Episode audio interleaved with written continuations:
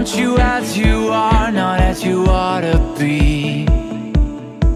Won't you lay down your guard and come to me? The shame that grips you now is crippling. It breaks my heart to see you suffering. Cause I am for you.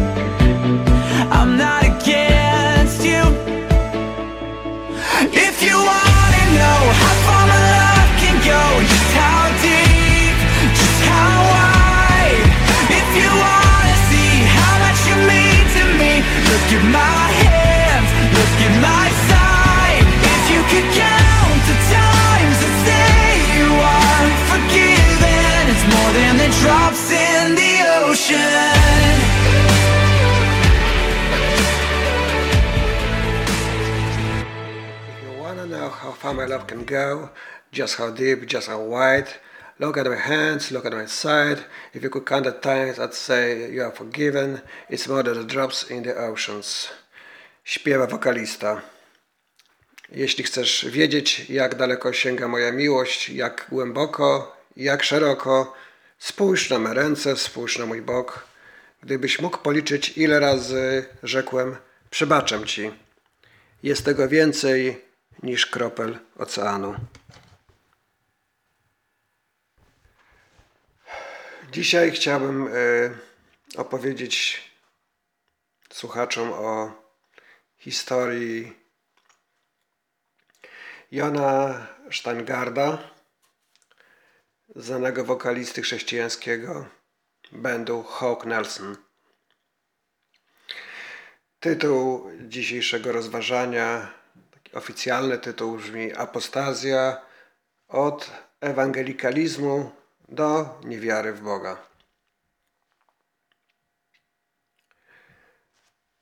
Ostatni rok, ubiegły rok odnotował kilka spektakularnych y, wolt duchowych postaci świadka chrześcijańskiego w Stanach między innymi, między innymi pastora Joshua Harrisa, e, autora znanego i u nas poradnika obyczajowego dla młodzieży pod tytułem Pożegnanie z randką, Marty Simpsona, tekściarza z Hillsong United, znanego chóru chrześcijańskiego.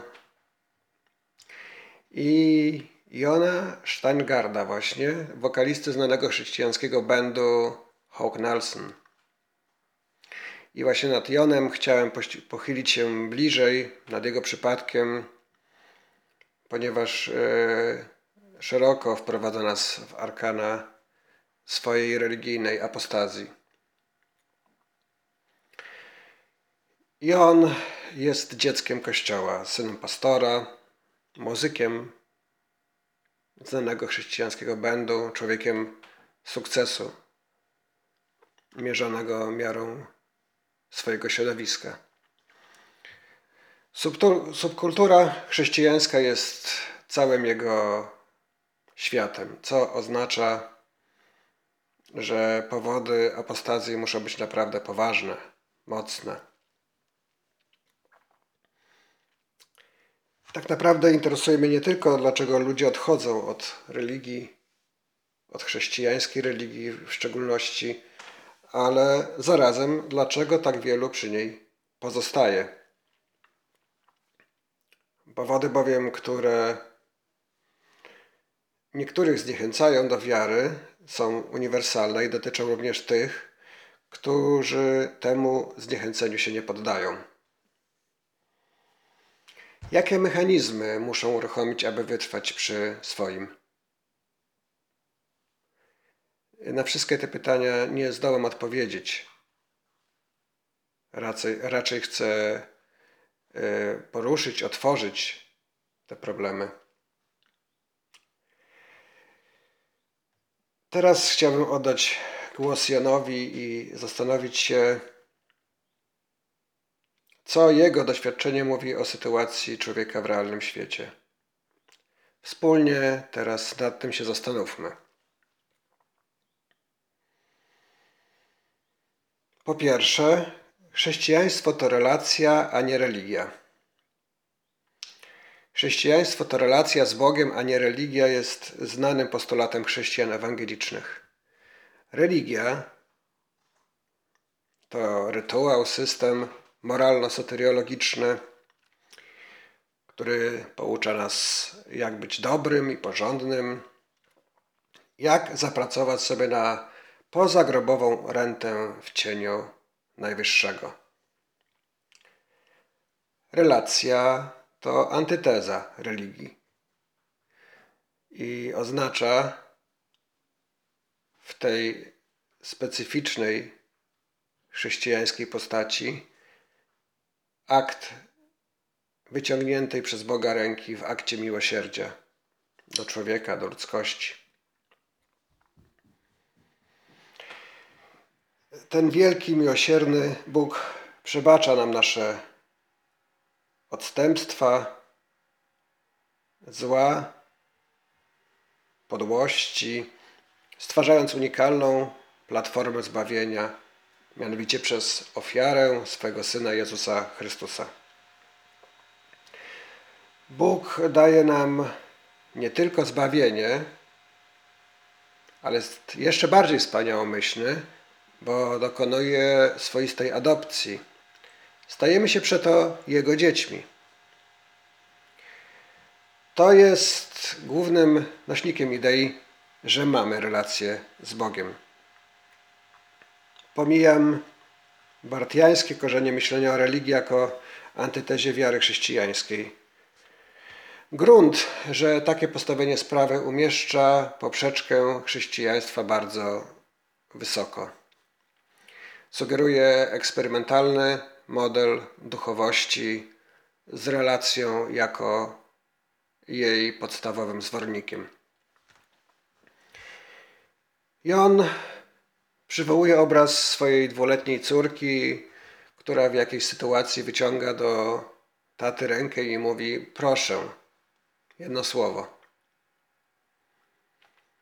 Czy potrzeba czegoś więcej, aby ojciec natychmiast odstawił wszystko inne, aby podać rękę dziecku i zapewnić o swojej obecności, życzliwości, wsparciu? Taki jest wzorzec relacji ludzko-ludzkiej ojca do dziecka. Czyżby Jon popadł w pułapkę potraktowania chrześcijaństwa zbyt serio? Tyle razy w modlitwach zanoszonych do Ojca Niebieskiego mówił: Proszę. A jednak nie przeżył niczego podobnego do doświadczenia dziecka, swojego dziecka, czy siebie jako dziecka w relacji z ziemskim rodzicem. I czym jest zatem relacja w konfiguracji wiary? I jeśli doświadczenie Jona nie jest odosobnione, jeśli doświadczenie większości chrześcijan to swoiste czekanie na Godota, czekanie na wieczne nigdy doświadczenia Pana, to dlaczego tylu chrześcijan pozostaje przy swoim przekonaniu? Czy relacja z Bogiem uskutecznia się tylko w owocnych i pełnej miłości relacji z ludźmi? Czy jeśli wszystko, co najlepsze w człowieku jest emanacją Boga, to czy nie wysysamy esencji z człowieczeństwa i zamieniamy go na wyschnięty kadłub robokopa najwyższego? Out, out, jak powiedziałby Kierkegaard. Albo, albo. I tak samo jak u filozofa, człowieczeństwo musi zostać unieważnione ostatecznie przez wybór absolutu.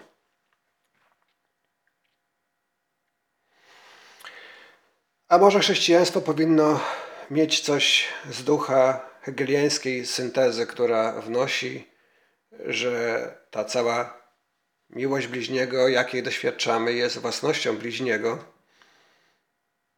ale tożsamość bliźniego który miłuje, możliwa jest tylko dlatego, że taki jest geist duch świata, czyli korzeń, z którego wyrasta owa tożsamość. Ale gdzie w tym wypadku jest Bóg? Gdzie jest partner i oblubieniec świata? Po drugie,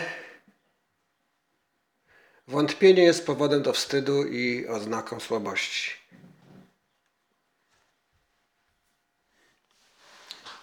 Jeśli wiara jest aktem prochrystianiczności, to zwątpienie jest aktem kontrachrystianiczności. W środowisku ewangelikalnym, konserwatywnego chrześcijaństwa. I on doświadczył tego w bolesny sposób. Jeśli i kiedykolwiek dzielił się rozterkami, spotykał się albo ze zmieszaniem, albo z, z zachętą dobrotliwą, aby wrócić do Biblii, modlitwy, aby zrobić rachunek sumienia, bo może jaki grzech szkodzi i po prostu przeszkadza. No i wolontarystycznie zacząć wierzyć, bo wierzyć to być chrześcijaninem.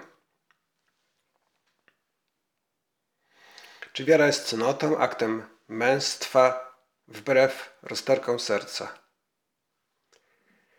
Apostoł wprost mówi, że jest tarczą, wiara jest tarczą, aby gasić rozżarzone pociski złego. A co jeśli serce podpowiada, że coś nie tak jest z wiarą? Serce nie sługa. Czy to znaczy, że popadamy w dysonans, który może skończyć się depresją lub znieczolicą duchową? Czy chrześcijaństwo nie jest przeto narzędziem generowania szkód mentalnych? William Lane Craig, wybitny apologeta i ceniony poniekąd filozof analityczny, komentuje problem Jona w takich słowach. To, czego oni potrzebują, to kilka dobrych książek z apologetyki. Jeśli przetrawiam ich treść, a nie jest to szczególnie wielkie wyzwanie, to będą przygotowani na 95% obiekcji, które napotykają w życiu. Craig jest e, zwolennikiem perspektywy intelektualnej przeciwstawionej emocjonalnej perspektywie wiary, którą to przypisuje Jonowi i tym podobnym osobom. Jednak nie wydaje się, że jego rekomendacja w zderzeniu z problemem kluczowej dysanalogii między rozumieniem ludzkich relacji a tym, czego doświadczamy na osi bosko-ludzkiej, na wiele pomaga. Może wierzący, idąc za radą Craiga, powinni wierzyć, że chrześcijaństwo opowiada nam o historycznym zmartwychwstaniu Jezusa Chrystusa. Jest to twardy, twardo osadzony w ziemi, na ziemi e, mm, taki postulat, albo że posiadamy wiele dobrych argumentów za istnienie Boga, może nie dedukcyjnych, ale takich kumulatywnie działających na zasadzie prawdopodobieństwa. I moim zdaniem jest to wysoce nieadekwatne, nawet kiedy wzięte za dobrą monetę, gdyż zawsze na końcu musimy powiedzieć sprawdzam. I właśnie na tym odcinku ma problem Jon. I na tym odcinku problem posiada wielu chrześcijan i to problem notorycznie cenzurowany czy maskowany przed współwyznawcami. Po trzecie, czytanie Biblii i modlitwa rozwiążą problemy. Jon spotyka chrześcijan, którzy zachęcają do czytania Biblii jako Słowa Bożego. Ono rozproszy wszelkie wątpliwości. Takie rekomendacje, żeby czytać Biblię, mówi on, spotęgowały tylko jego rozterki i wątpliwości. I wymienia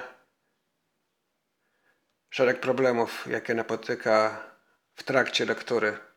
Na przykład klasyczne problemy rzezi autoryzowanej przez Jachwę w trakcie kampanii palestyńskiej, czyli zdobycia przestrzeni życiowej, tak zwanej ziemi obiecanej.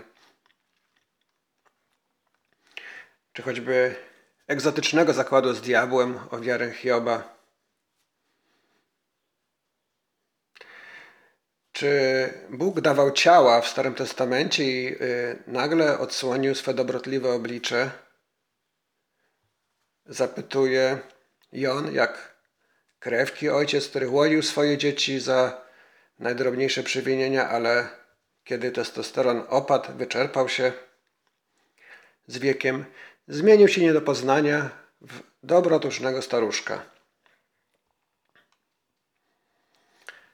I on dochodzi do przekonania, że Biblia jest tekstem skomponowanym przez ludzi, mniej więcej takich jak ja, jak on, czy jak ty.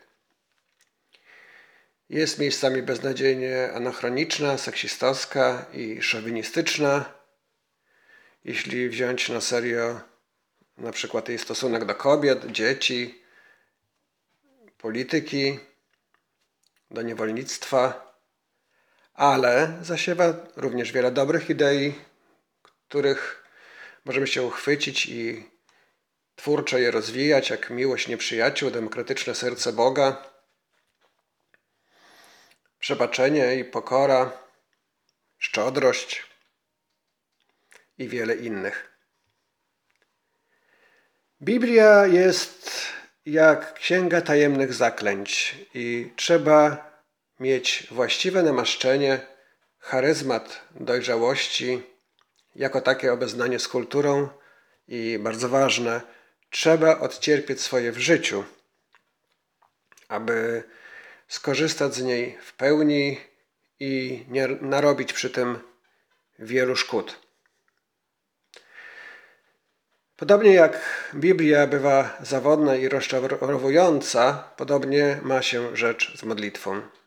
Jeśli Bóg słyszy modlitwy, to słyszy, wydaje się, coś innego niż to, co mówimy. Jest to derywat tego samego problemu, co relacja z Bogiem. Możliwe jednak, że warto z niej nie rezygnować, tylko może wyżej wychylić peryskop nie modlić się sprzed założeniami o tym, jaki jest Bóg i kim jest Bóg i co może nam ofiarować i czego zabrania. Nie traktuję modów czysto terapeutycznie, jako dialogu z wewnętrznym sobą i dialogu z własnym echem odbijanym przez kurtynę świata. O, to, o co to, to nie. Być może Bożyszcze jakieś naprawdę istnieje i warto się modlić? Może.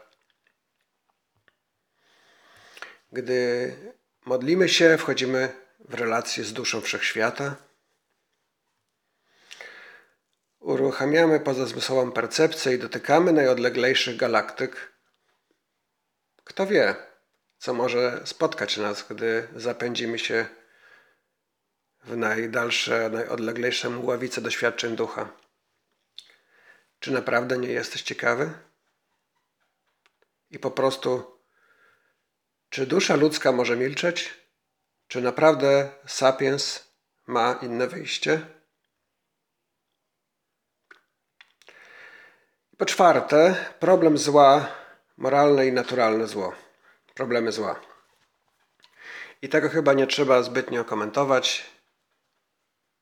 Istnieje zło moralne, bo inaczej Bóg nie mógł wymodelować świata wolnych stworzeń, mówią nam. Upadek to nadużycie wolności i tak dalej, i tak dalej. Ale jakoś trudno uwierzyć w erze postdarwinowskiej w powszechny upadek ludzkości. Niby jak to miałoby się zdarzyć? Ludzkość ewoluowała w różnych miejscach z istot przedmoralnych i w którymś momencie osiągnęła czucie moralne. Ale nie w ogrodzie Eden, ale w różnych innych miejscach kuli ziemskiej w różnym czasie. Gdyby przyjąć, że wszyscy ludzie jako jak tylko naczelni uzyskali świadomość moralną ala homo sapiens, naduży, nadużyli pospołu wolności kontra dei, to wyglądałoby to raczej na spisek Boga, aby nas wszystkich umoczyć, niż uczciwą rozgrywkę na planszy świata. Już szybciej możemy wyobrazić sobie, że Bóg wyposażył w wolność ludzi, wkalkulowując nieuchronność upadku, gdyż poznanie i rozwój moralny związany jest z poznaniem zła jako rewersem dobra. Ale wtedy zło jest tak przekleństwem jak błogosławieństwem, a właściwie niezbędnym balastem homeostazy moralnej. Jesteśmy stworzeni słodko-gorzko. Chrystus może być wtedy darem Boga, egzemplaryczną manifestacją dobra, ale żadną tam dźwignią zbawienia dla wybranych. A zło naturalne, podobnie jak zło moralne, można rozpatrywać jako efekt pewnych naturalnych praw, które służą całości, ale bywają bezlitosne dla jednostek, które staną im na drodze. Jednak taki obraz świata różni się nieco od tego, czego należałoby się spodziewać, gdyby naprawdę dobry, ludzki Bóg zawiadywał tym wszystkim. I on chce wierzyć i podejrzewa, że jeśli jakiś Bóg istnieje, jest on bardzo inny od tego, w co wierzą chrześcijanie. I on przeczuwa istnienie kosmicznej jaźni, jakiejś przyczajonej obecności, czegoś, co czuwa, odczuwa, czegoś rozumnego. Opowiada. Miałem takie chwile, jakbym dotykał ulotnego skrawka czegoś większego i wspanialszego niż ja sam. Czegoś odwiecznego. Czułem to coś w katedrach Notre Dame i uliczkach Montmartre w Paryżu, w krużgankach meczetu Sheikh Zayed w Abu Dhabi. Dotykałem tego w marmurze świątyni Taj Mahal w Agrze, w przepaściach Lysefjord w Norwegii czy wodospadu Skogafos w Islandii. To wszystko, co chciałem powiedzieć e, ustami Jona i w tym miejscu może pora na konkluzję, na jakiś morał. Jaki jest morał z tej opowieści? Otóż morał jest taki, że nie ma jedynego morału. Człowiek pozostaje człowiekiem tak w awersie, jak w rewersie wiary w Boga. Dla niektórych z nas będzie to posądna refleksja, że wiara nie jest rzeczą, rzeczą wszystkich. Byli spośród nas, ale nie byli z nas. Dla innych, że każda utopia kiedyś się utopi w ekskrementach własnej nieadekwatności. A dla jeszcze innych, że Bóg jest pojęciem użytkowym, wyrażającym granice naszego poznania ale tak jak przyczuwa Jon, istnieje coś nienazwanego, co Grecy określali jako Theos agnostos, Bóg nieznany, nienazwany. Ten nienazwany Bóg może być wszystkim, co nawiedza myśl. Kryszną, Buddą, Achurą, Mazdą, Chrystusem, Nirwaną, duszą świata. Moim Pojęciem użytkowym jest Chrystus. W nim przeglądam się w swojej niemożności i tęsknocie za wiekuistym szczęściem, wartościowym życiem, nieskończonym wzrostem. Religia jest lustrem, w którym widzimy ostateczną prawdę o człowieczeństwa w bardzo niezobowiązujący sposób jak przez teleskop Hubble'a widzimy galaktyki oddalone o tysiące lat świetnych.